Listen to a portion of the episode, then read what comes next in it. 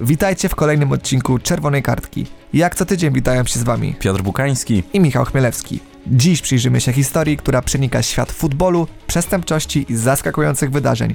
Przygotujcie się na opowieść o piłkarzu, który był na szczycie kariery, a potem spadł na samo dno. Bruno Fernandes de Souza. Wczesne lata kariery Fernandesza de Souzy były obiecujące. Urodził się 23 sierpnia 1984 roku w Rio de Janeiro, a swoją karierę piłkarską rozpoczął w młodzieżowych drużynach. Jego talent szybko zwrócił uwagę klubów i został odkryty przez Flamengo, gdzie podpisał zawodowy kontrakt. Bruno szybko zdobył uznanie jako bramkarz. W latach 2006-2010 był jednym z najważniejszych graczy Flamengo. W sumie w brazylijskim zespole na pozycji golkipera Fernandes de Souza rozegrał aż 161 spotkań, w których 52-krotnie zachowywał czyste konto. Jego gra i umiejętności w bramce przyniosły mu uznanie oraz umożliwiły mu zdobycie licznych tytułów i nagród.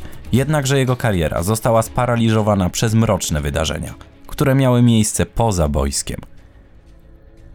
Wydawał się mieć wszystko: sławę, talent i pieniądze.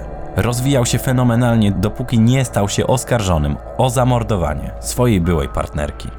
Kariera i życie Bruno Fernandesza de Souzy zostały radykalnie zmienione w 2010 roku, w momencie, gdy pojawiły się informacje o potencjalnym zainteresowaniu ze strony samego AC Milanu.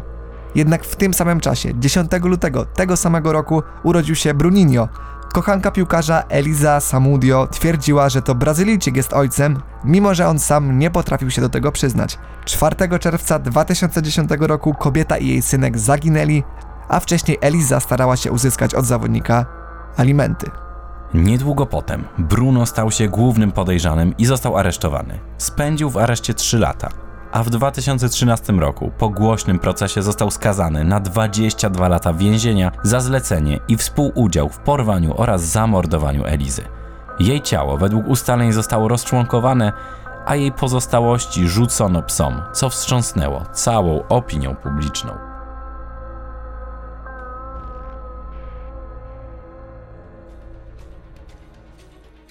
Po latach sprawa nadal budzi mnóstwo emocji w Brazylii i na całym świecie, szczególnie w kontekście niewyjaśnionego losu zwłok.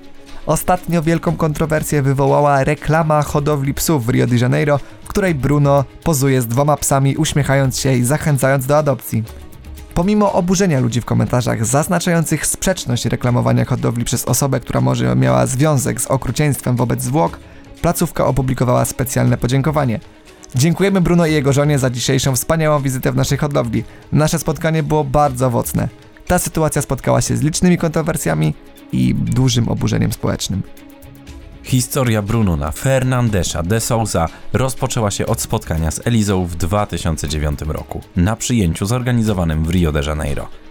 Bruno, będąc wówczas żonaty i mając już dwoje dzieci, nie przyznawał się do ojcostwa – już wcześniej kobieta donosiła na niego na policję, opowiadając o jej więzieniu, maltretowaniu i przymuszaniu do brania środków poronnych.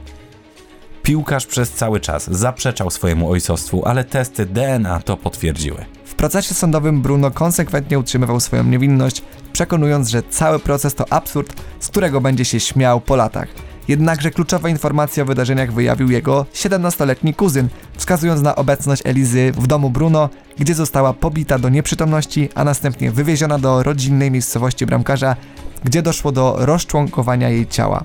W procesie oskarżono kilku gangsterów, w tym byłego policjanta za ukrycie zwłok oraz zaangażowanie w zbrodnię.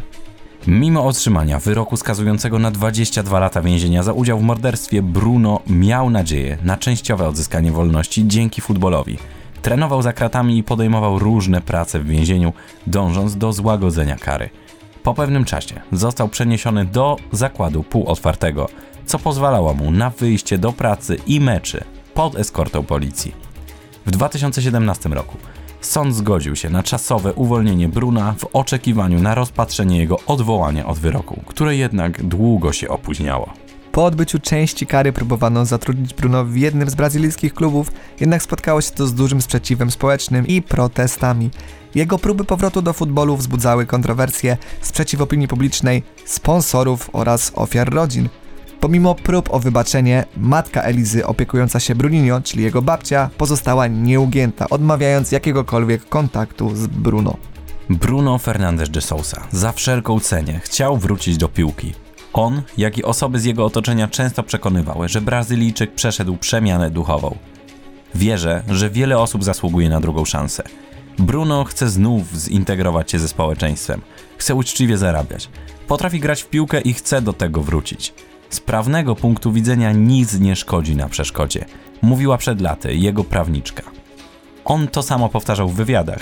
Ludzie obserwują mnie w mediach społecznościowych, ale nie chcą dać mi szansy zarobienia na jedzenie, powiedział kiedyś dla telewizji Rekord. Mordercę pogrążyła wypowiedź matki Elizy, która w szczerej rozmowie z magazynem Epoka powiedziała: To niemoralne, że popełnił tak ohydną zbrodnię i może zostać idolem dla dzieci i młodzieży. To absurd. Sądy spełniają wszystkie jego życzenia, a ja wciąż nie mogę nawet pochować szczątków mojej córki. Mówiła kobieta, która zajmuje się Bruninho, czyli synem Bruno i Elizy.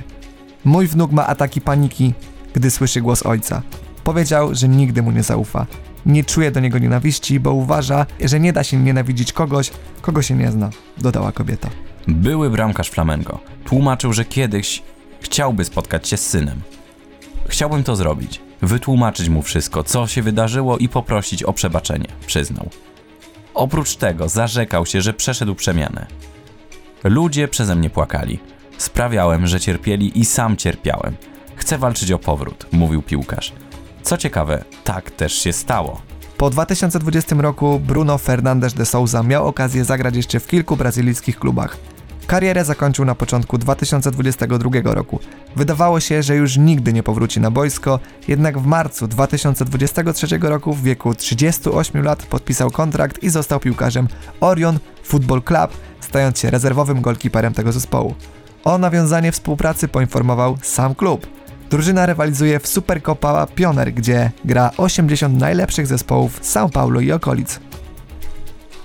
Z pewnością Brazylijczyk już zawsze wszystkim kibicom piłkarskim będzie kojarzył się z zabójstwem partnerki, w które był zamieszany. To jedna z najbardziej przerażających piłkarskich historii.